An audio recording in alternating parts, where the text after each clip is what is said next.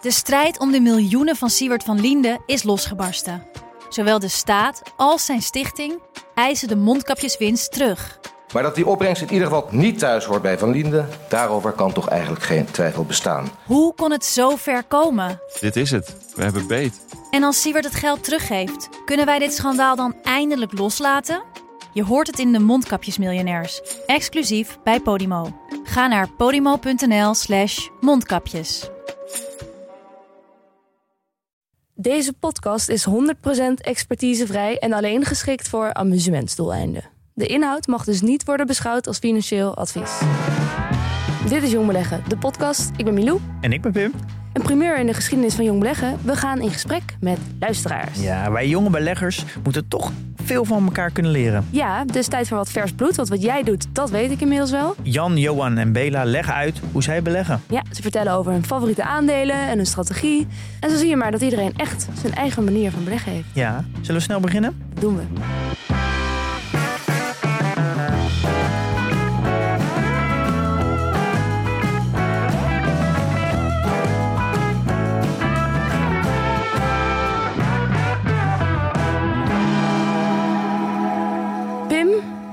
Ik ben toe aan een nieuw geluid. Aan een nieuw geluid. Ja. Waar denk je dan aan? Ja, gewoon een keer iets anders. Word jij nooit eens moe van jezelf? Eh, ja, nou, het enige antwoord is natuurlijk ja eigenlijk. Ja. Maar ik word nooit moe van jou hoor, Milou. Oké, nou ik ook niet echt van jou, maar het is toch leuk om een keer eh, eens iets anders te horen. Zeker als het over beleggen gaat. Want nou ja, eh, we weten, beleggen heb je in vele kleuren, soorten, maten. Er is een enorme hoeveelheid aan manieren om het te doen. En ja, wij zijn natuurlijk maar twee mensen in deze hele grote wereld. Dat wordt op den duur natuurlijk een beetje een herhaling van zetten. Ik denk dat het heel leerzaam is om eh, een keer een ander geluid te horen van Ja. andere beleggers. Dus deze aflevering voor de eerste keer in het bestaan van Jong Beleggen, de podcast, laten we luisteraars aan het woord.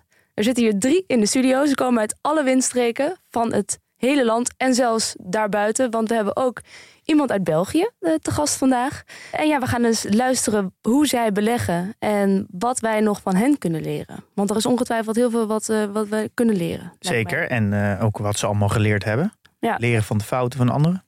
En je kan het zien als een soort van speeddaten, wat we dus gaan doen. Eh, want we gaan ze niet allemaal tegelijk aan het woord laten, maar één voor één schuiven ze bij ons aan. Ze zitten allemaal in de studio. En dan gaan we eens kijken ja, wie, we, wie we uit willen zoeken. Hè? Want zo gaat het met daten. Ben jij naar iets specifieks op zoek? Nou nee, niet Waar val zozeer. jij ik, eh, ik laat me vooral eh, verrassen. Uiteindelijk is daten een numbers game. Hè? Dus je moet gewoon eh, zoveel mogelijk eh, mensen langs laten komen.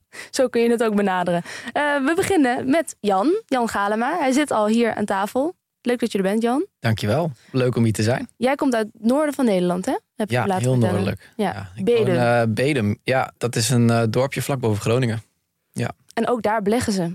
Zelfs daar beleggen ze. Ja. Ja, Of- niet alleen in de Randstad. Ook in Groningen gebeurt eh, heel veel. Want zie je het ook wel om je heen? Ja? Ja, maar ik moet ook zeggen dat het niet iets is waar men nou heel veel over praat. Ik heb nog steeds wel het idee dat het iets is waar... Nou ja, een taboe is een groot woord. Maar het is niet dat iedereen nou de hele dag met elkaar praat over beleggen. En Nee. Ik wel het idee heb dat best veel mensen ermee bezig zijn. Maar toch eh, misschien nog best wel op zichzelf. Ja. Op eigen eilandje. Maar Ja, nou dat is ook wel een beetje zo hier, denk ik, hè, in de Randstad. Misschien is het al heel Nederlands, maar dat kunnen we misschien straks ook aan de Belg vragen. Ja. Hij zit, eh, jij belegt sinds 2018. Ja. En merk je dat het veranderd is in de afgelopen vijf jaar? Eh, ik heb wel het idee dat het opener is geworden. Dus dat mensen er makkelijker over praten. Voor mijn gevoel heeft het ook wel een soort elite label gehad, een tijd. Ja. Ehm, Rijke mannen die ja, veel geld hebben. in een pak. En dat zijn de mensen die het doen. Ja. En ik heb eigenlijk het idee dat het nu steeds laagdrempeliger is geworden. Dat iedereen het kan doen. Of je nou student bent Ja. of net werkt of al heel lang werkt. Waarom ben je zelf begonnen ooit? Eigenlijk was het heel simpel. Ik had gewoon wat geld over. En op de bank leverde het al niks meer op. Toen dacht ik van ja, ik werk wel voor mijn geld. Maar mijn geld werkt niet voor mij. Dat vind ik eigenlijk best gek. Daar dacht ik toen destijds over na. Ik dacht van ja, dat is eigenlijk best raar. Dat je zelf best wel hard werkt voor je geld. Maar er vervolgens niks meer mee gebeurt eigenlijk. En Alleen maar minder wordt op je, op, Ja. je, op je rekening. Ja. Precies, met inflatie erbij eh, wordt het alleen maar minder. Dus toen heb ik in 2018 besloten om te gaan beleggen. Ja. En dat deed ik toen bij eh, Nationale Nederlanden. Je liet het Een doen. beleggingsfonds, ik Ja. liet het doen. Ja. En dat heb ik eigenlijk gedaan tot 2020 ongeveer. En toen ben ik langzaamaan gaan kijken naar hoe is het nou eigenlijk om in individuele aandelen te gaan beleggen. Weet je nog waarom je dat, waarom je dat wilde gaan doen? Die, die switch maken van een, een passief beheerd fonds naar eh, actief beleggen? Ja, ik vond, het, ik vond het gewoon interessant. Ik vond het leuk om bedrijven te analyseren en te kijken van hé, hey, wat, wat zit er nou achter? Ik vond het ook wel uitdagend. Ik leerde er ook veel van. Ja, toen ben ik eigenlijk geleidelijk aan van een indexfonds naar een portefeuille gaan werken met individuele aandelen. Daar heb ik best wel een tijd over gedaan. Ik denk anderhalf jaar of zo. En nu op dit moment heb ik eigenlijk alleen nog maar individuele aandelen. Ja, om even de, voor de luisteraar wat context te geven. Jij werkt in een beetje de technologiehoek. Ja. En dat kan ik ook zien aan, eh, aan je portfolio. Om Klopt. even de, de grootste posities is eh, Capgemini, eh, Mercado Libre, CrowdStrike, Atlassian en ServiceNow. En eh, dan naar Microsoft en naar ASML en eh, Airbnb. Ja. Dat is een beetje, denk ik, de grootste gedeelte van je portefeuille. Trouwens, van alle beleggers die nu langskomen, alle portefeuilles zijn gewoon inzichtelijk. Dus die kan je in de show notes ook zien. Dus dan heb je wat context bij eh, waar erover gesproken wordt. Ja. Ben je al gelijk helemaal naar technologie gegaan? Of ben je daar langzaam naartoe eh, gegroeid? Nee, daar ben ik eigenlijk langzaam naartoe gegroeid. Ehm, ik heb eigenlijk toen ik net begon met, met individuele aandelen, heb ik echt van alles en nog wat gedaan. Ehm, ik heb eh, banken en verzekeraars en biotech. Eigenlijk allemaal bedrijven waar ik van ik achteraf denk, daar had je echt nul verstand van. Dus toen ben ik op een gegeven moment gedenkt van ja, wat, wat zijn nou eigenlijk bedrijven die ik echt interessant vind en leuk vind om te volgen? En in geloof. En uiteindelijk was dat wel echt technologie. Ik werk natuurlijk zelf eh, nou, inmiddels zeven jaar in de IT-sector. Dus ik ken de sector ook wel goed. Ja. Dat heb ik nu eigenlijk veel meer, ben ik dat gaan zien als, als een voordeel. Omdat ik daardoor de bedrijven goed kan doorgronden. Ik ken de sector, ik weet de trends. En ik vind de bedrijven gewoon heel tof om te volgen. Ja. Mer- Merk je dat ook in je ervaring, dat daar je voordeel zit? Gaat het goed? Eh, het gaat wisselend. Ehm, ik denk wel, kijk, hoeveel kan je zeggen als je echt nog maar een jaar echt in die bedrijven zit? Niet zoveel, hè? Nee. Nee. Dus eigenlijk zou je die vraag over vijf jaar misschien nog een keer moeten stellen. Van nou, hoe staat het er nu voor? Maar rendement technisch gezien ga ik ongeveer gelijk op met de benchmark. En als ik kijk voor 2020, dan was de benchmark zeg maar de MSCI World. eh, die het dichtst in de buurt kwam. Ging ik ongeveer gelijk op. En nou ja, nadat ik meer ging switchen naar een tech portefeuille, is meer de Nasdaq een goede benchmark. Ja. En eh, ik presteer ongeveer in lijn met de Nasdaq op dit moment. Daar ben ik op zich wel blij mee. Maar Ehm, maar uiteindelijk is het doel natuurlijk wel om die te verslaan. Ja. Eh, je steekt natuurlijk ook tijd in je analyses, eh, je doet onderzoek en je wilt dat wel uiteindelijk terug gaan zien in je rendement. En tegelijkertijd vind ik het ook het doen van analyse ook gewoon leuk. En geef je daar zelf een bepaalde deadline voor? Of een bepaalde doorlooptijd? Vind je zegt, nou, vanaf dat moment eh, moet ik wel de balans gaan opmaken? Ik heb zelf in mijn hoofd ehm, pak een beetje vijf jaar, omdat dat wel een periode is, daar kan je toch wel redelijk goed zien van hey, je hebt verschillende fases in de economie ook al meegemaakt. Hoewel afgelopen drie jaar is natuurlijk wel vrij extreem in hoe die fases zijn gegaan. Maar ja, ik zou denk ik na vijf jaar toch wel zeggen van hey, even terugkijkend, hoe sta ik ervoor? Hoe doe ik het? Kan ik het überhaupt? Of moet ik misschien toch wat meer gewoon naar de, de markt zelf gaan eh, beleggen? Dus Ja. een, een indexfonds gaan. Eh, hoe, hoe kijk je nou terug op die eh, een soort van strategiewissel die je hebt gedaan? eigenlijk is die heel natuurlijk verlopen. Als in, ik vond in het begin een indexfonds prima, want ik hoefde er weinig tijd in te steken. En je hoeft niet heel goed te volgen wat er allemaal gebeurt. Ik kan gewoon maandelijks inleggen en nou ja, klaar. Maar na verloop van tijd ja, merkte ik dat ik het gewoon leuk vond om, om, om bedrijven te analyseren en te kijken van hey, wat is precies gaande. En dat vond ik uiteindelijk beter passen bij mijn stijl en bij mijn interesses. En daarnaast is het ook nog zo dat het in mijn werk ook nog wel handig kan zijn omdat het ook bedrijven zijn waar ik gewoon in de dagelijkse praktijk wel mee te maken krijg. Dus het, het mes snijdt wat dat betreft wel aan twee Ja. kanten. Want hoe zou je jezelf nu omschrijven als belegger? Nou, qua stijl omschrijft denk ik passief-agressief het, het, het beste. Ehm, en het agressieve deel, dat zit hem voornamelijk in eh, de bedrijven waar ik in beleg. Dat zijn namelijk techbedrijven en voornamelijk groei. En het passieve gedeelte zit er voornamelijk in vooral rust bewaren. Het zijn ook volatiele bedrijven, maar het is juist daar zaak om niet te handelen op emotie. En ik beleg gewoon elke maand. Dus ik leg elke maand iets in. Of het nou goed gaat of dat het slecht gaat. Dat is wel iets wat ik door de tijd heen geleerd heb. Dat rust en niet handelen op emotie is ontzettend belangrijk. nee, want heb je, ben je wel eens de fout ingegaan daarmee? Ja. Vertel eens. Nou, bijvoorbeeld met de coronacrash, dat was 2020. Mhm. Nou ja, de lichte paniek had ik toen wel. Toen, toen eh, op een gegeven moment de markt kaart onderuit ging. Eh, en toen heb ik ook wel, wel wat verkocht. Ik had toen niet een hele grote portefeuille aan individuele bedrijven. Maar, en ik, toen de markt op een gegeven moment weer steeg, toen heb ik ook weer heel snel verkocht. Omdat ik dacht van ja, maar het gaat alleen nog maar minder. En het Ja, gaat alleen maar oké. slechter. Ja. Ik, eh, ik zie, kijk nu even jouw eh, performance grafiek in eh, PDT op, en op Max. Eh, de zwarte piste is er niks bij hoe hard je naar beneden bent gegaan. Nee, dat, is, eh, dat was niet leuk. Nee, zo. Nee, en dat, dat, toen had ik dat inzicht nog niet destijds. Maar eh, ik kon het wel eh, zien in de, in de euro's, zeg maar. Ja, nee, dat, dat, eh, dat zie ik, ja. ja. Merk je ook dat je door, door die eh, volatiliteit van de afgelopen jaren rustiger bent geworden bij beweging, omdat je het gewend bent ge- ge- Ja. geworden? Ja, ook dat went. En eh, ik, ik heb dagen gezien dat gewoon eh, aandelen met 20% omlaag of omhoog gingen. Ja. En als ik dat nu weer zie, dan is ja, ja, het hoort er een beetje bij. In het type bedrijf waar ik dan in beleg. Kijk, als het gebeurt bij een, eh, een bedrijf wat voornamelijk een, een dividend eh, aristocrat is, zeg maar. Ja, als die met 20% omlaag gaat, dan moet je even achter de oren krabben wat Hm. daar aan de hand is. Maar heel veel gaat ook gewoon op ehm, ja, mood swings van de markt eigenlijk. Eh, het Ja, sentiment is heel erg eh, bepalend. Maar is het dan puur gewenning? Of, of ja, er zijn ook dingen die je kan doen om je daar tegen te wapenen. Nou, voor mij, wat voor mij het, het, eh, het beste werkt, is goed onderzoek doen naar de bedrijven waar ik in beleg. Dat zorgt bij mij voor heel veel rust. Ja.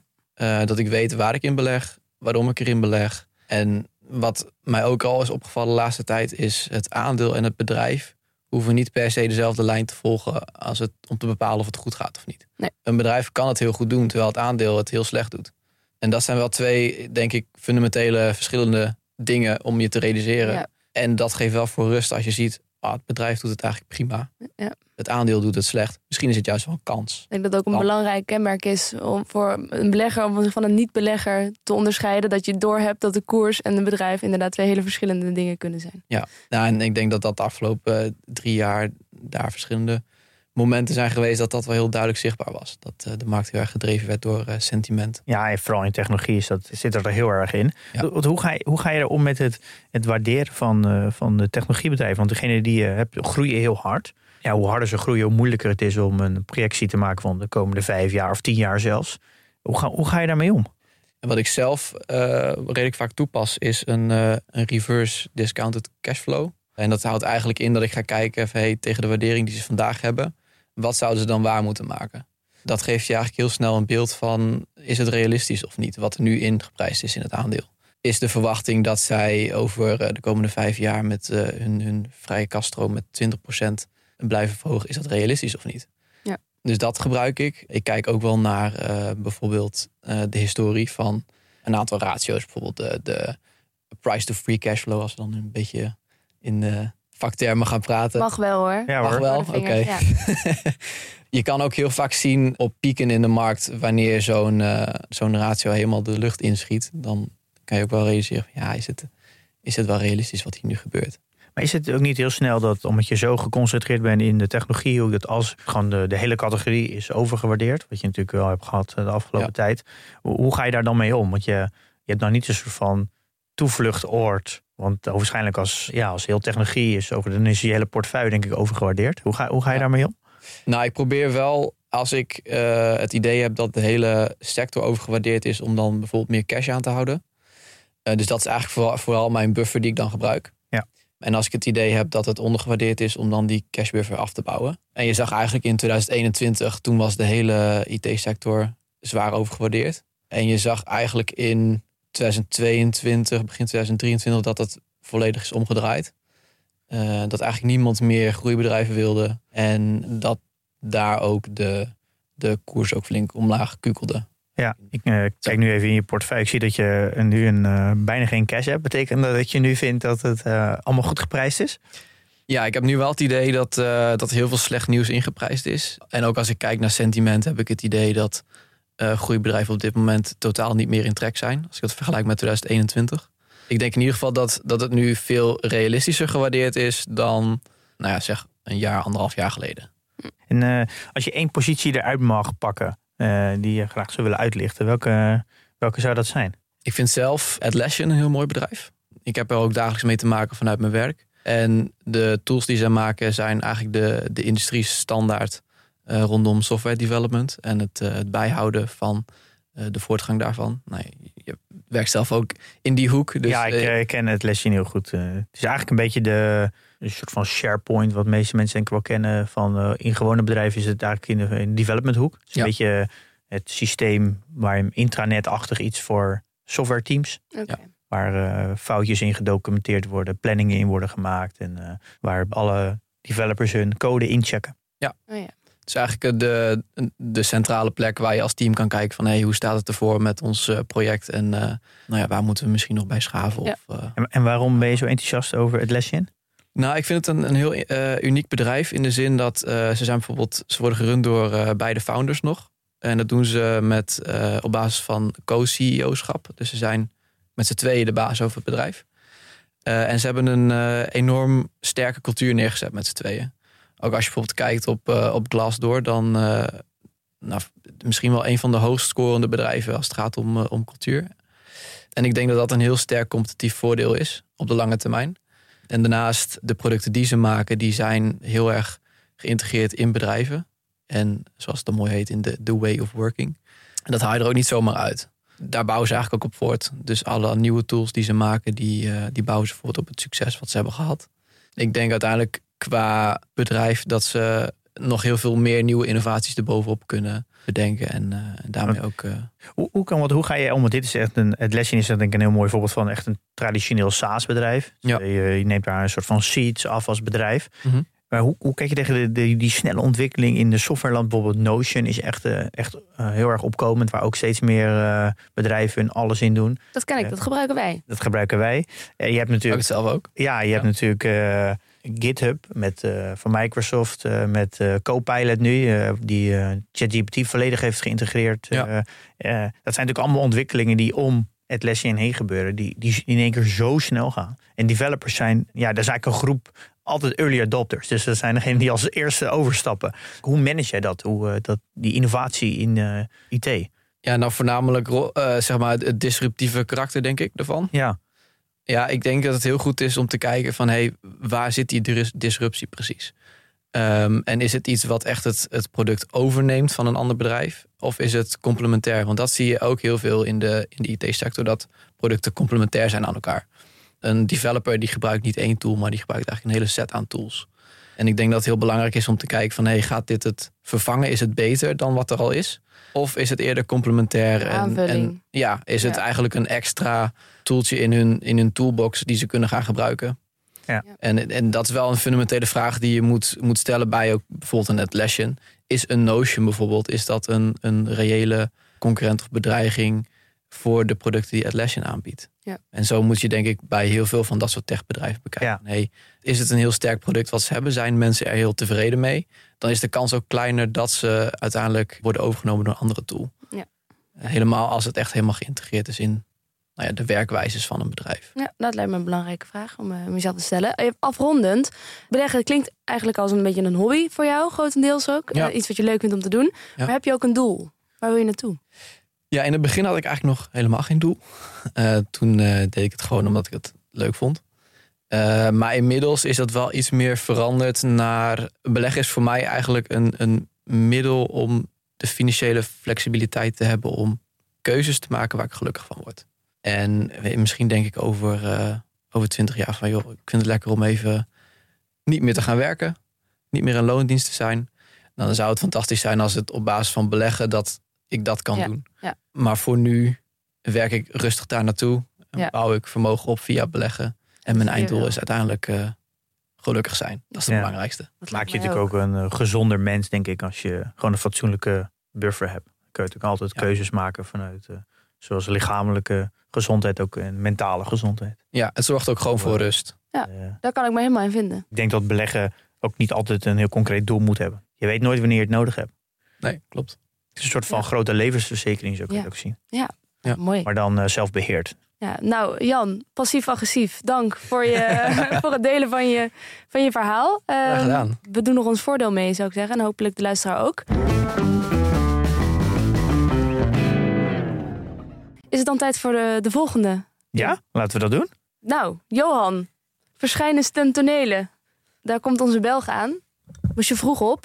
Eh, net niet zo vroeg als Jan deze morgen, als Ja. ik het goed begrepen heb. Ah, Bedum ligt nog net iets verder dan Antwerpen, want daar, eh, daar moest jij vandaan komen. ik kom ten- van, uit de zuidrand van Antwerpen, ja. Ja. Dus eh, ik ben om half zeven opgestaan. Dus, Oké. dus dat viel op zich nog wel. mee. Het is te doen. Ja. Ik ben ook om half zeven opgestaan.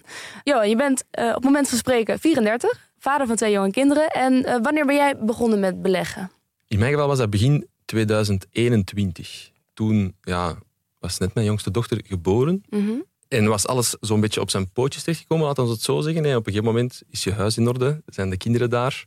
Eerst is het spaargeld op, want je hebt je huis, je hebt je huis gebouwd natuurlijk. hè. Maar dan, op, op een gegeven moment heb je toch weer terug wat, wat, wat financiële buffer. En dan, dan is het de vraag, ja, wat ga ik er nu mee doen? En op een gegeven moment zijn de, zijn de potentiële investeringen in nieuwe huisraad en andere Ja. eh, aanverwanten zijn, zijn een beetje uit. En dan ben ik uiteindelijk begonnen met, eh, begonnen met beleggen. Ja. ja. Even, je hebt je eigen huis gebouwd? Ehm, ik, heb, ik heb wel degelijk eh, een, een aannemer gezocht om dat voor mij te doen, maar we, hebben wel veel, we hebben wel veel dingen zelf gedaan. De verwarming, de vloeren, eh, met sanitair, dat soort dingen. Dus ik heb wel dezelfde handen uit de mouwen gestoken. Ja, Eh, maar ik heb niet alles zelf gedaan. oké. Nee. Nou, Huisbouwen is op een bepaalde manier natuurlijk ook een, een investering. Ik kan me voorstellen dat de Ja. buffer daarna ook heeft. Maar je geeft aan dat je dan in 2021 bent begonnen. Was je wel al veel eerder bezig met beleggen? Maar had je de middelen niet voor? Of is het, ben je pas gaan kijken nadat je geld over had? Wat kan ik daarmee doen? Ik ben inderdaad eigenlijk pas beginnen kijken toen de, de opportuniteit zich stelde, bij wijze van spreken. Omdat ik had ervoor al wel lang een, een abonnement op, op de tijd. Dat is, dat is in België de, wat de, de toonaangevende zakenkrant. De FD van eh Het België. FD van België, ja. ja, ja. En eh, daar zit eigenlijk ook altijd een katern in beleggen.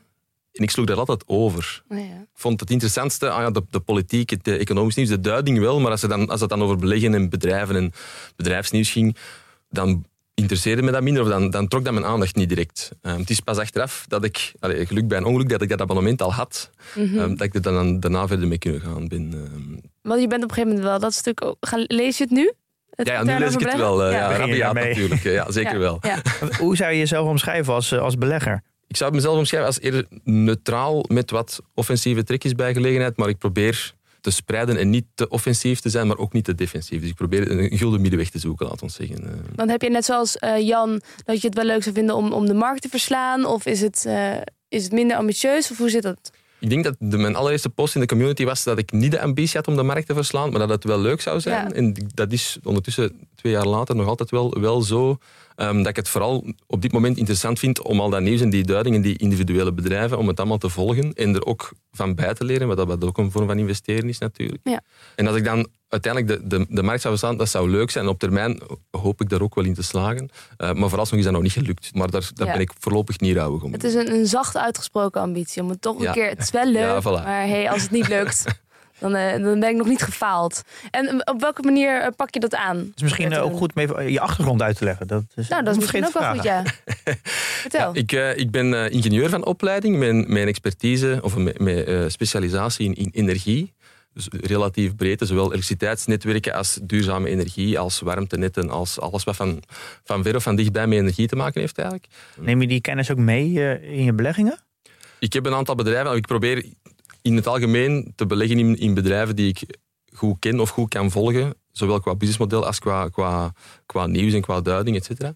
Ehm, dus ik heb wel een aantal bedrijven in, portefeuille die, die specifiek op, op eh, energie, in, in de energiesector actief zijn. Ja. En dan moet ik denken aan Alphen, denk ik. Het Nederlandse Alphen. Dat is natuurlijk. eh, ja, ja, ja, Is die is- dat- ja. Zijn er nog andere bedrijven die daar heel specifiek in eh, gespecialiseerd zijn? Ik denk dat mijn grootste positie nu is, het, is een Duits bedrijf. Is 7C Solarparken. Dat is een Duitse small cap, maar die wel gerund wordt door twee Belgen eigenlijk. Die door een ja, omgekeerde overname zijn die ooit eens in, in Duitsland beursgenoteerd geraakt. En het gros van die in portefeuille zit ook in Duitsland. Zij, doen- zij doen eigenlijk, ja, zoals de naam het al aangeeft, zij doen zonneparken. Hè. Dus, dus grote, grote PV-installaties van ettelijke megawatten die elektriciteit produceren op basis van zon. Vooral in Duitsland en ook, en ook een beetje in België. Want ik, eh, als ik nu even door jouw posities ga, is eh, eh, Mika is ook een hele grote. Mico, ja. Of sorry, Mico. Tink, ASML. En dan ook Microsoft, Alphen. En dan Brede Rode. Het zijn allemaal wel bedrijven die, ik moet zeggen, die voor mij vrij nieuw zijn. En dat is natuurlijk juist extra leuk zijn. Want heb je ook een voorkeur voor bepaalde grootte van bedrijven? Ik denk dat het over het algemeen wat kleinere bedrijven zijn. Ik denk dat voor de, voor de Belgische luisteraars zullen ze waarschijnlijk, of voor de lezers van de tijd, het hangt er een beetje vanaf, eh, zullen, zullen er een aantal wel ehm, bekend voorkomen. Nu, dit- het toeval wil dat inderdaad dat 7C Solarparken en, en Mico dat, daar- dat dat small caps zijn. Maar ik, ik kijk niet zozeer naar de grootte van de bedrijven. Ik heb wel een aantal segmenten of een aantal strategieën waar ik op wil inzetten. Ik, heb, ik probeer de basis te leggen met een aantal holdings. En België is een holdingland natuurlijk. Dan hebben we de Brede Roden of Sofina, eh, GBL zit er ook in, Akkermans en Van Haren. Ja, ja. Dat zijn relatief eerder aan de defensieve kant van het spectrum meestal. Al is Sofina de, de recenter, waar, waar we de, allee, de laatste jaren wat offensiever, mee, mee- omdat ze ook investeren in groeimarkten. Maar de rode draad daardoor, door die holdings, is dat het familiale investeringsmaatschappijen zijn. Die dus ja, op de lange termijn een track record hebben van met een relatief geconcentreerde portefeuille de markt wel, wel te verslaan of dat toch te benaderen. Maar dat, is, dat is een beetje de, ja, de core van mijn portefeuille, laten we het zo noemen. Maar dan heb ik een aantal andere dingen, zoals eh, specifiek eh, value, wat dan meer maakindustrie of, of industriële bedrijven zijn. Ehm, je hebt een, ook een, een stukje groei, maar dat is een stuk kleiner dan hetgeen, hetgeen dat er in Jans portefeuille zit natuurlijk. hè. Dan heb ik ook nog eh, wat ik ja, GARP, hè, een Growth at Reasonable Price, wat dan voor mij de kwaliteitsbedrijven, de Microsofts, de ASML's van deze wereld zijn. En dan ben ik er nog eentje aan het vergeten natuurlijk. Eh, Er zijn al zoveel. Even denk, kijken. eh, eh, dividend en misschien value. Ah, een, aantal, een aantal dividendbedrijven, eh, zoals, zoals die CVC Solarparken, dat is natuurlijk, die hebben veel zonneparken die kapitaalintensief zijn, maar eens dat die geïnstalleerd zijn, natuurlijk produceren die aan, aan, aan vrijwel aan zeer lage marginale kosten. Dus dat is eigenlijk een cashflow-rijk bedrijf Ja. die uiteindelijk op basis daarvan een, een, een, een stijgend dividend kunnen uitbetalen. Dus, dus wat dat betreft probeer ik op, op meerdere paarden te wedden. eh, En wat mij opvalt is dat je maar voor 6,5% in Amerika zit. Het is wel leuk om een keer een portefeuille te zien die eh, niet heel erg gefocust is op Amerika. Want Ja. Ja. de meeste zijn dat wel. Ben je ook niet een beetje bang dat je, dat is dan weer natuurlijk de andere kant, dat je heel erg een home bias hebt? Want je zit voornamelijk in eh, België. Ja, ik heb de vraag in de community ook al gekregen. En het is, het is inderdaad een terechte bedenking dat ik vooral dicht bij huis zit. En ik ben mij er wel wel degelijk van bewust dat dat, dat, dat mogelijkerwijs een impact kan hebben op mijn rendement. Anderzijds denk ik ook dat ik, denk ik, koester ik de illusie, we zullen, we zullen het moeten zien op de, op de termijn natuurlijk, dat ik op die manier er toch ook mijn voordeel uit kan halen. Omdat ik enerzijds probeer te beleggen in bedrijven die ik zeg, goed, kan, goed kan volgen, zowel qua businessmodel als qua nieuws en qua duiding.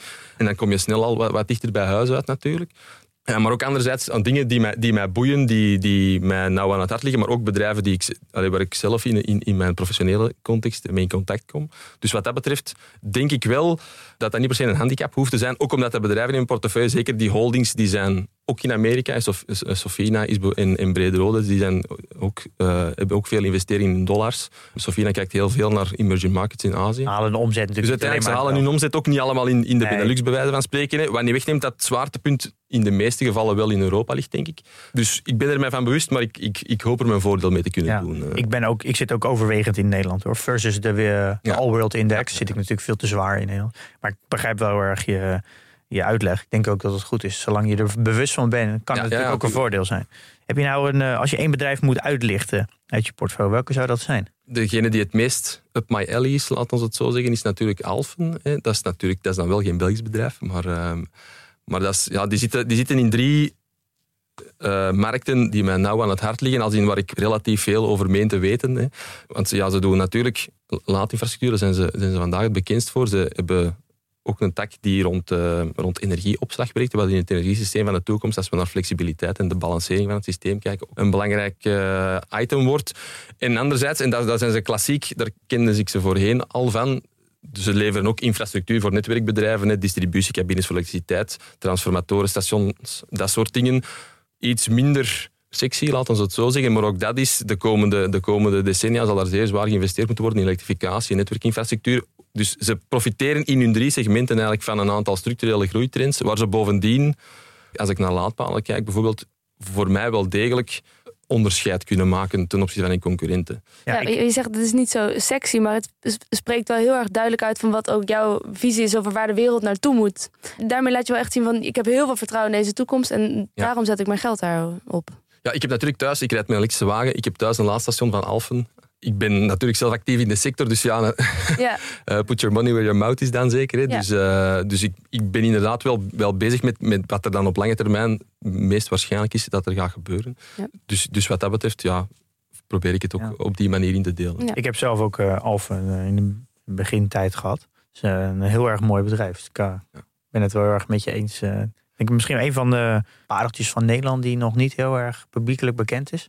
Denk onder de Nederlandse beleggers wel, maar buiten Nederland nog, uh, nog niet. Het is natuurlijk een relatief klein bedrijf nog. Ja, also, allee, ze, ze, hebben natuurlijk zeker, want ik ben ingestapt, allee, ik ben uh, begonnen met beleggen begin 2021, toen natuurlijk de, uh, de ETF's, als het ging over duurzame energie of, of duurzame infrastructuur, op een historisch hoogtepunt zitten, waar ze nu nog, nog altijd niet terug zijn, denk ik. Ze afgaten, waar ze nog altijd niet terug zijn. Dus er zit altijd, afhankelijk van de periode, er kan, staat er wel een pittig prijskaartje tegenover enige overwaarderingen. Ik bedoel, ze, hebben, ze hebben niet zo geweldig lang geleden nog aan bijna 120 euro per aandeel genoteerd. En ondertussen is het nog maar iets, iets meer dan 70. Mm dat vind ik dan weer aan de goedkope kant. Hè, maar dat is goed, dat is een opportuniteit voor mij dan in dat geval. Ja. Maar uiteindelijk is dat inderdaad, ja, qua waardering, er moet, het is een groeiaandeel. Er moet, er moet ook nog veel gebeuren voordat dat al die, al die onderliggende waarde eruit komt. Hè. Maar tot nader order hebben ze mij operationeel althans niet teleurgesteld. Dus, dus wat dat betreft uh, kan ik rustig blijven zitten. Ja, mooie, mooie positie. Zijn er nog uh, lessen die... Uh die je graag met iedereen wilt delen. Ja, over gemaakte of, fouten. Ja, de grootste gemaakte fouten die, die nog uh, top of mind is. Ik heb in het verleden, ik heb, ik heb ondertussen ook al wel bij posities verkocht met verlies. Ik probeer wel sowieso zo weinig mogelijk te handelen, want ik heb er uiteindelijk nog maar vijf verkocht in totaal, denk ik, in de afgelopen twee jaar. Uh, maar eentje dat ik wel verkocht heb is bijvoorbeeld CM.com. Dat is een andere Nederlandse parel die, die natuurlijk de, in corona iets meer wind mee had. En een aantal dingen die ik mij dan achteraf eigenlijk ja, voor, wel voor de kop kon slaan. Dat ik, een aantal rode vlaggen die ik wel gemist heb. En dan heb ik op het hoogtepunt gekocht en dan onderweg naar beneden gedacht, ah ja, ik ga mijn gak verlagen en ik ga nog bijkopen, want het komt, het komt wel goed in de lange termijn. Maar uiteindelijk ben ik tot de realisatie gekomen dat ik, dat ik één, het bedrijf eigenlijk onvoldoende goed kende, want ik zei al dat, dat ik het liefst beleg in, in bedrijven waar ik, waar ik enige affiniteit mee heb. Hè. Dus, dus Alpha, die producten kan ik zelf gebruiken. Een Microsoft, ja, dat kent iedereen bij wijze van spreken. Maar bij Semcom.com, ik had ook geen... Ja, ik gebruikte die producten niet de helft van hun personeel werkte voor de salesafdeling. Dus dat, is, dat, dat doet dan al vermoeden dat als, het, als, als een IT-product is, dat het zichzelf niet echt verkoopt. Uh, dus wat dat betreft waren er een aantal rode vlaggen achteraf, um, waarmee dat ik eigenlijk niet had mogen instappen en eigenlijk al helemaal niet had moeten bijkopen dan onderweg naar beneden. Maar dat heb ik dan uiteindelijk toch gedaan en ik heb mijn verlies moeten nemen. Maar goed, kijk, ik heb het ondertussen in Ebusco gestopt. Dat is vooralsnog ook nog niet zo lucratief gebleken. Maar daar heb ik dan weer wel, daar zijn mijn vooruitzichten dan weer wel positiever. Dus, ja. um... dus ik hoor eigenlijk twee uh, hele mooie lessen. Ze weten wat je koopt, nog beter weten wat je koopt. En uh, als het uh, zak niet direct bijkopen, dat zijn twee, ja. twee mooie lessen. Ja, Als je natuurlijk er... echt overtuigd bent van de investment case en het door en door kind, dat is, dat is ook natuurlijk, eh, moet beleggen, verricht een beetje een vreemde combinatie van geduld en agressiviteit. Je moet ja. durven wachten om het niet te kopen, maar op het moment dat het lijkt qua koer, aandelenkoersen althans slecht te gaan, moet je toch durven, durven bijkopen ja. of durven, durven instappen. Mm -hmm. uh, maar dat was in dit geval niet echt van toepassing. Uh. Nou ja, mooi gezegd inderdaad, dat je eigenlijk geduld en agressiviteit moet koppelen. Ja. En dus denk ik gewoon heel veel geduld en dan op het juiste moment uh, agressief. Maar het is natuurlijk eigenlijk een uh, slechte cocktail natuurlijk. Een bedrijf niet zo goed kennen en als het daalt uh, bijkopen. Dat is natuurlijk een, voor beleggers echt een hele gevaarlijke combinatie... waar denk ik iedereen wel eens een keer voor gevallen is eigenlijk. Dus, maar zo te horen heb jij, heb jij er heel veel van geleerd. Dus dat is natuurlijk heel belangrijk. Ik lees ook nog een andere wijsheid in een van jouw posts op de community. Daar staat hopen is verkopen. Nou, deze kan de boeken in, denk ik, net als die van Warren Buffett.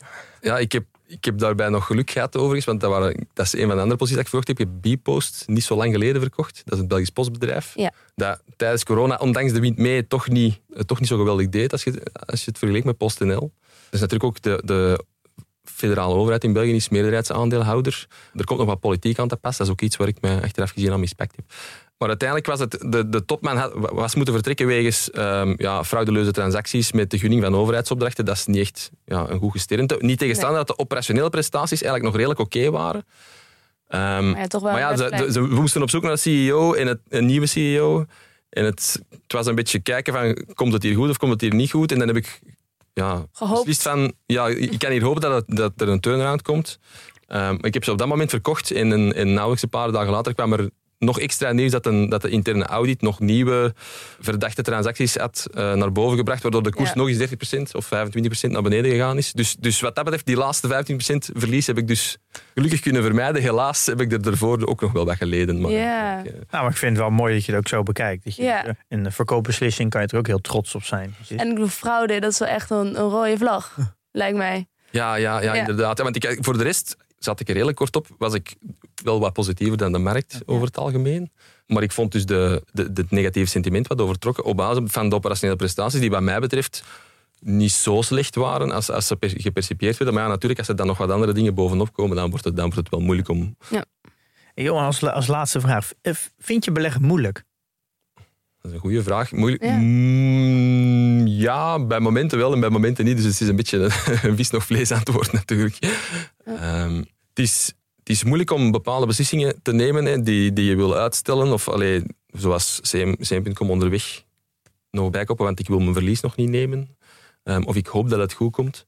Ehm, dus wat dat betreft is het moeilijk om, om knopen door te hakken soms. Het is ook moeilijk om mezelf in te houden. Ah, ik wil kopen, maar, de, maar het is nog niet helemaal aan de prijs. Dan moet je durven wachten. Dat is, het is moeilijk. Eh, maar anderzijds is het gemakkelijk in die zin, ja, als je een duidelijk beeld hebt van oké, dat soort bedrijven wil ik, ik heb, ze ik heb ze ten gronde geanalyseerd, dat is de prijs die ik ervoor wil betalen, dan is het gewoon, ik leg een order in en komt de prijs er, dan des te beter. En anders niet. Je kunt wel redelijk makkelijk bepaalde regels voor je, met jezelf afspreken om het te doen. Het is maar zo moeilijk als je het maakt, zeker. Dat Ja, dat, denk, ik- dat, dat kwam ook in mij op. Je kan het zo moeilijk maken als je wil en ook zo simpel maken. Dus ik zou eigenlijk zeggen, beleggen is niet makkelijk, maar het kan wel simpel zijn. Ja, nou, ik, ik, ik vind het een mooie uitleg die je geeft. Want ik heb ook bepaalde momenten dat ik denk, oh, wat is beleggen toch, eh, toch makkelijk eigenlijk. Eh, je, je koopt dat bedrijf en je gaat zitten wachten.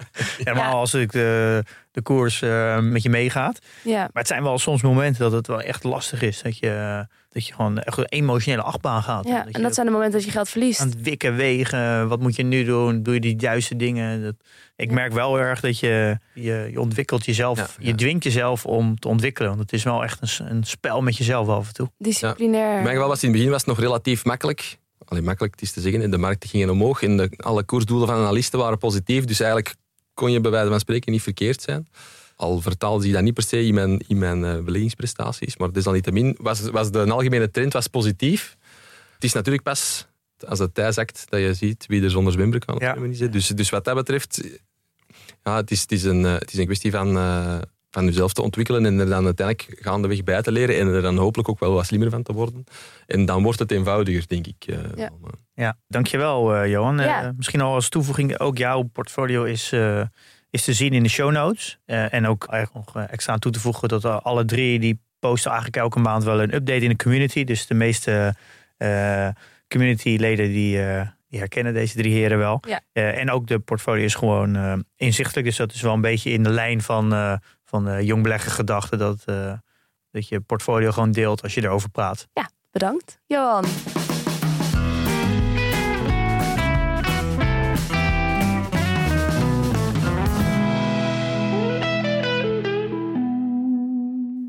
En dan gaan we naar de laatste van onze speeddates. Nou, hij heeft niks gemeen met Johan eigenlijk. Je hebt eh, ten eerste niks gemeen in zijn portfolio. Maar je bent ook 19 jaar, dus iets jonger. En je hebt ook nog geen kinderen. En ook nog geen werk, geloof ik. Ja, klopt. Nou, ja, ik heb een eh, heel leuk bijbaantje bij een bedrijf wat jullie misschien wel zullen kennen, de PLT.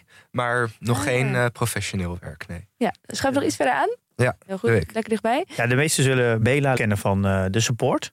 De En, support. en, nou, en de community natuurlijk, denk daar meer van. Mhm. Maar als je een probleem hebt gehad in PDT, dan is de kans groot dat, eh, dat jij eh, diegene heeft geholpen. Ja, inderdaad, ja. En Bele, je bent nu 19, eh, maar op een dag werd jij wakker en toen was het jouw 18e verjaardag. En ben je toen meteen begonnen met beleggen? Nou, meteen is misschien een beetje een overstatement. Maar het is wel, ik ben vrij snel, om na mijn 18e verjaardag heb ik een accountje geopend. Eerst bij de Giro, toen bij Trading 212. En ben ik wel maar gaan beginnen. Want je was wel echt aan het afwachten dat je 18 zou worden. Ja, eigenlijk wel. Ik had natuurlijk de coronaperiode eigenlijk, of de, de echte eerste heftige lockdowns, vlak voor mijn 18e verjaardag. Dus daarin heb ik me al flink kunnen inlezen. En toen was het inderdaad wel, oké, ik werd 18, het eind van de eerste lockdown. En toen was het gewoon, eh, ja, gaan. Ja, want wat las jij toen jij aan het inlezen was? Waarom was je er zo in geïnteresseerd geraakt? Nou, ik vind altijd, ik studeer ook economie en ik vind economie, politiek, eh, cijfers, bedrijven altijd wel interessant. En eh, toen ben ik ja, boeken gaan lezen, security analysis van Graham, eh, van Warren Buffett, zijn artikelen en zijn speech eh, in eh, 1984, die ik heel goed vind. Eh, en gewoon ja, heel veel gaan lezen. Ook op een gegeven moment Jong Beleggen, de podcast natuurlijk. En eh, dat was mijn lockdown bezigheid eigenlijk. Nou, die heb je nuttig besteed dan, denk ik. Hoe vind je zelf dat het gaat? Ja, nou ja, het is natuurlijk. Hè, ik ben in 2021 begonnen, dus het is eigenlijk in anderhalf jaar bijna niet te zeggen van oh, het is goed gegaan, het is slecht gegaan. Nee. Ik merk dat ik in anderhalf jaar al heel veel heb geleerd. Zijn wat dingetjes misgegaan, zijn dingen goed gegaan. En eh, ik denk in ieder geval dat ik nu een veel betere belegger ben dan an- toen, toen ik begon. En dat, ja, dat is uiteindelijk het meeste waard. Neem ons mee, waarom denk je dat? Nou ja, je, het is natuurlijk een heel bewogen tijd geweest, 2021 tot 2023. Ik denk dat we dat allemaal wel hebben meegemaakt. En dat is heel vervelend, 2022, voor de mensen die al een heel groot portfolio hebben. Voor mij als 19-jarige was het eigenlijk heel fijn, want je, krijgt meteen eigenlijk alles mee. Nou ja, daardoor kun je enorm veel leren. Daardoor, ik heb in anderhalf jaar heb ik van nog niet kunnen waarderen tot waarderingen kunnen maken, strategie bepaald, veel minder gekopieerd. En eh, nou ja, dat soort dingen denk ik dat uiteindelijk heel belangrijk gaat zijn. Ja, eigenlijk een, een soort snelkookpan is het geweest dan de afgelopen tijd. Met, met relatief beperkte verliezen, omdat je nog niet heel veel had ingelegd. Ja. Want hoe, hoe kan je wat, wel gelijk wat delen over je strategie? Waar, waar, waar- ja, hoe beleg je nu? Nou, ik ben op zich een waardebelegger. Ik denk dat ik heel veel elementen ook misschien een beetje heb geleend van Mees en van Dennis. Niet in posities, maar wel in hoe ik naar aandelen kijk. Dus eh, waardering maken, geduld, eh, goed spreiden. Niet zoveel spreiden dat je het niet meer kan volgen. Maar wel, eh, ik ben niet iemand die in vijf posities gaat zitten en dan denkt van zo is zo mooi geweest. Kort op de bal zitten en niet bang zijn om als er iets verandert of als er een andere kans komt, het ene eruit, het andere erin. En eh, ja. ja, echt een actieve belegger wel. ja, dat denk ik wel. Ik denk dat ik posities, nou, sommige posities heb ik al een jaar, anderhalf jaar. Gebeurt ook wel eens dat ik binnen vier, vijf maanden ergens in en ergens uitstap. Eh, een goed voorbeeld daarvan is bijvoorbeeld Zalando. Daar ben ik ingestapt toen het op 18, 19 euro stond. Op een gegeven moment stond dat aandeel op 40 euro. En toen had ik iets van. Op zich is het niet per se heel ver overgewaardeerd. Maar ik zie ook niet echt meer een onderwaardering. Ik zie ook niet echt meer een reden om in het aandeel te blijven. Dus dan gaat hij er gewoon uit. Ja. En ben je bekend met de frase: eh, de beste belegger is een dode belegger? Ja, ik denk ook dat we als actieve beleggers te hebben accepteren dat de meeste beleggers de index niet gaan verslaan. Eh, ik vind het wel veel te leuk om te doen, dus ik zal nooit echt een passieve belegger worden, denk ik. Maar ik denk wel dat, het, dat, dat we gewoon ermee te leven hebben, dat het heel moeilijk is om de index te verslaan. Dat betekent niet dat het niet het waard is om het te proberen. Nee. Ja, als ik, je, zit- voornamelijk in de value hoek, als ik zo een beetje zie. Dus dan kan ik me dan concluderen dat je heel erg zit in de fundamentele analyse, waardering. En het moment dat de onder, dus als de, uit de waardering blijkt, denk ik eh, DCF, discount cashflow, denk ik. Ja, klopt. Eh, dat als, als het aandeel dan eh, te koop is met een margin of safety, dan, eh, dan koop je het. En als het de waarde haalt, of misschien het een beetje eroverheen, dan verkoop je het aandeel. Is dat een beetje de samenvatting van de, strat, van de value hoek? Ja, zeker. Ik denk qua puur op aandeelbasis is dat absoluut eh, de kern. Ik denk wel dat het ook belangrijk is dat daarnaast ook portfolio management strategie heel belangrijk is. Dus dat je niet alleen, tenminste zo kijk ik ernaar, niet alleen naar de individuele posities kijkt, maar het moet ook als geheel een beetje kloppen. Dus ik merkte op een gegeven moment, ik zat in Google, Pinterest, Disney, Meta.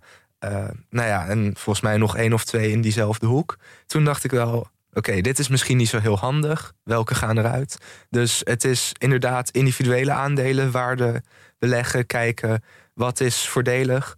En dan ook kijken naar het geheel van de portfolio. Ja, die zat iets te geconcentreerd in de industrie eh, eh, advertenties. Ja, als er inderdaad, eh, zeker op een moment dat dat natuurlijk niet heel gunstig was, eind 2022. Dus toen dacht ik, oké, hier moet ik wel een beetje in snijden. Want ik, als ik nog even de, de grootste posities is Strix, Walt Disney, eh, Alphabet, Deutsche Post, Tyson Foods. Dat zijn een beetje de grootste posities. Ja, ik vind het wel lastig om echt te spreken over grootste posities in mijn eh, portfolio. Ik denk dat bijna elke positie zit zo rond de 4%. Iets kleiner als ik denk dat er wat meer risico in zit.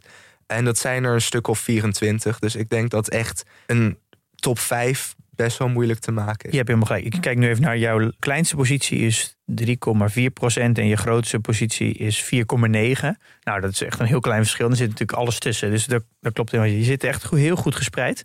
Daar eh, focus je ook heel erg op. Op echt eh, die discipline van het goed spreiden. Ja, ik denk dat het heel belangrijk is dat je niet als je één bleeder hebt of één verkeerde keuze maakt, dat daarmee 60% van je rendement eh, vernietigd is. Ja, Ja. wa- Wat is een bedrijf waar jij heel enthousiast over bent die in je portfolio zit? Nou, toevallig is dat nu wel mijn eerste positie. Dat is eh, Strix Group. Dat is een heel klein bedrijfje. Ik denk een marktcap van 200 miljoen. En dat klinkt best groot, maar om dat te vergelijken... jouw kleinste positie is denk ik Just Eat Takeaway op market cap. En eh, Ja. Just Eat Takeaway is eh, ongeveer 15 keer zo groot. Dus het is echt een klein bedrijfje. Ze doen veiligheidssystemen voor waterkokers en koekers en kranen. Dus ze hebben echt een, het is echt een niche bedrijf. Ja. Hoe kom je daarbij? Ja, ik ben op een gegeven moment ben ik dat tegengekomen in de handleiding van mijn waterkoker. Toen dacht ik, oh, dit is op, misschien wel interessant. Het is echt een niche bedrijf. Ze hebben weinig concurrentie. En toen ging ik kijken, ze zijn ongeveer 80% afgestraft in 2022. Een groot deel daarvan was ook al terecht. Ze hadden supply chain problemen met de, de lockdowns in China. Ze hadden een overname gedaan die niet helemaal lekker integreerde. Het idee was goed, maar de, de uitwerking was middelmatig. En ze hadden winstwaarschuwingen. Eh, ze hadden natuurlijk stijgende materiaalkosten die ze niet helemaal konden doorberekenen. Dus het was ook wel terecht dat ze van 400 naar 100 pence en op een gegeven moment zelfs naar 70 pence zijn gegaan. Mhm. Maar er, toen kwam er wel zo'n onderwaardering in dat ik dacht: dit is wel heel interessant. Want het is gewoon, ja, het is een nichebedrijf, maar het is wel een enorm sterk bedrijf in die niche. Wil ik toch nog even terug naar die waterkoker. Het gaat dus om, zij maken veiligheidssystemen voor waterkokers. Waarom was jij de handleiding van de waterkoker aan het lezen? Ja, dat is wel een grappig verhaal. Maar de, de stop was eh, nou, Doorgeslagen. doorgeslagen, Ja. zeg maar. En Klinkt veilig.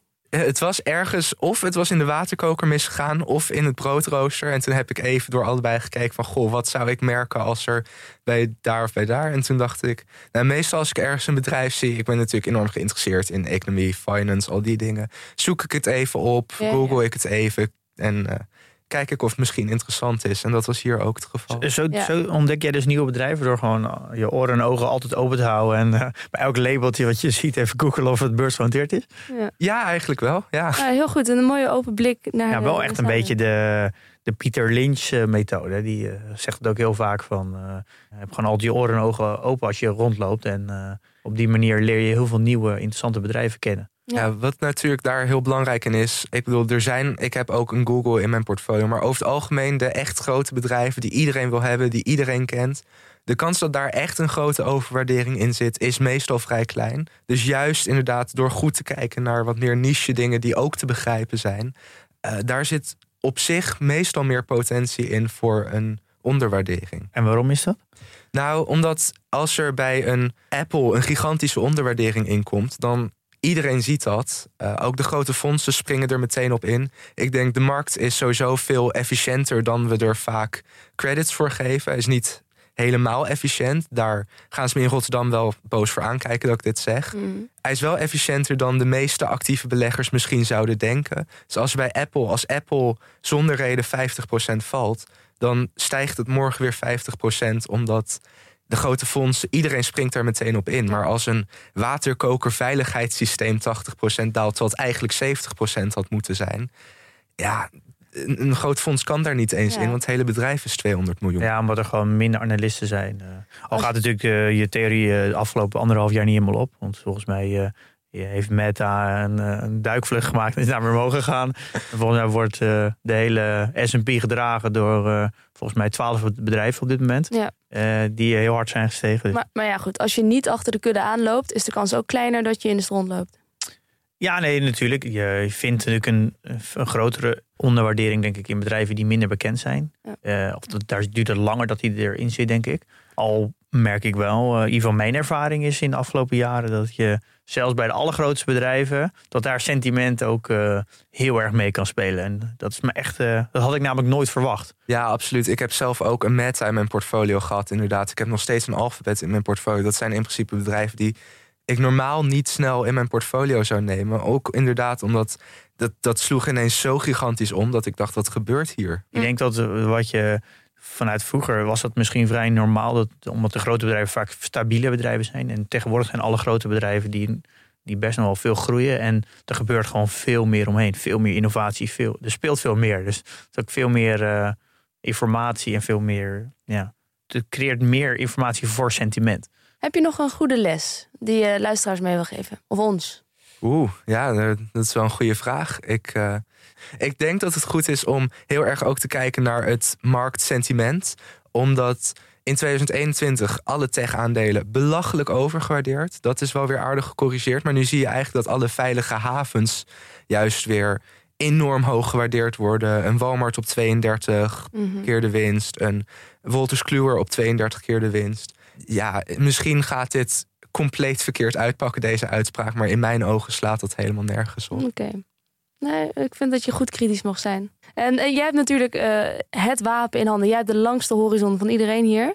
Eh, waar eh, waar En heb je, je we- te je weet eh, helemaal niet hoe oud Johan en Jan gaat worden. Tot nu toe zijn al- de kaarten het beste voor Ja, dat is waar. Bela. Ze zien er wel allem- allemaal heel gezond Iedereen uit. ziet er heel gezond uit. Ja. Ja, dat, dat vind ik lastig te zeggen. Ik ben natuurlijk op dit moment student. En misschien dat ik ooit in de finance-industrie ga werken, misschien niet. Het zal, inderdaad, het zal voor mij in ieder geval altijd iets blijven wat ik ernaast zou willen doen. En verder zien we eigenlijk wel waar het schip strandt. Ik wil gewoon mijn proces zo goed mogelijk in orde hebben. En zo goed mogelijk eh, leren beleggen. Ik denk dat dat heel belangrijk is. En waar dan uiteindelijk dat voor, goed voor blijkt te zijn, dat zien we in de toekomst wel. Ik denk dat heel veel mensen jaloers zullen zijn dat jij op je 18 Ja. Dat ook. Ja. Kijk, ik zie al twee vingers de lucht in gaan. Dat oh, drie. Nou, zou ik het zelf ook maar doen. Ja, goed Ja. zo. Nee, dankjewel Bela. En leuk om eh, bedankt. ook van zo'n een, een jonge eh, belegger eh, even wat te horen. Ja, zeker. Ja. Echt jonge belegger. Dan doen we de namen eer aan. Ja, zo hoort het.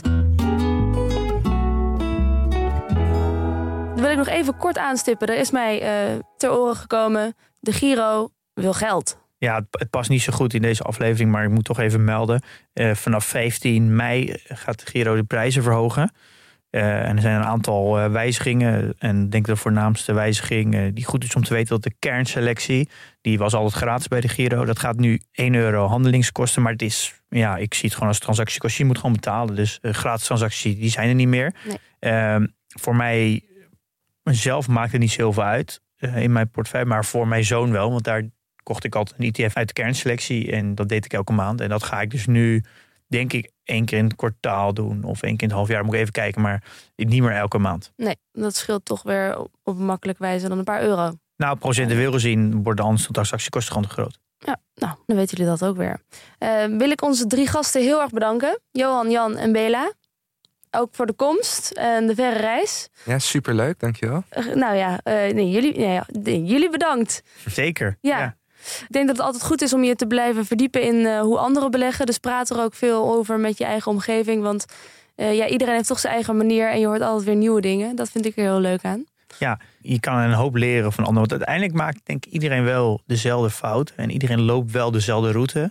Alleen iedereen doet het een beetje op zijn eigen manier. Maar komt allemaal wel langs dezelfde paaltjes. Ja, en je moet de route ook gewoon lopen. Je kan niet afsnijden. Net Ja, als met een marathon. Het is een beleggen is denk ik echt een, eh, een ervaringssport. Je, er zijn gewoon geen shortcuts. Je kan honderd boeken lezen, maar dan ga je, ga je tot op zekere hoogte niet een betere belegger van worden. Denk levenservaring en, eh, en gewoon de leercurve van beleggen en de cyclus zijn gewoon heel belangrijk. En ik denk ook gewoon het begrijpen van hoe, de, hoe mensen in elkaar zitten, psychologie, businessmodellen, politiek, economie. En dat komt eigenlijk met de jaren. Ja. Eh, dus je bent denk ik nooit uitgeleerd. Nee. Denk dat het stuk beleggen aan zich steeds minder wordt. Mooi gesproken. En ja, wil je nou ook eh, meer leren en lezen over andere beleggers of over deze drie beleggers? Word dan eens even lid van de community. Kan gewoon. Ja, daar eh, posten ze eigenlijk alle drie elke maand een update. En de portfolio's zijn gewoon inzichtelijk. Juist. Ehm, dus ga dat doen. En dan in de tussentijd zeg ik: investeer in je kennis en beleg met beleid.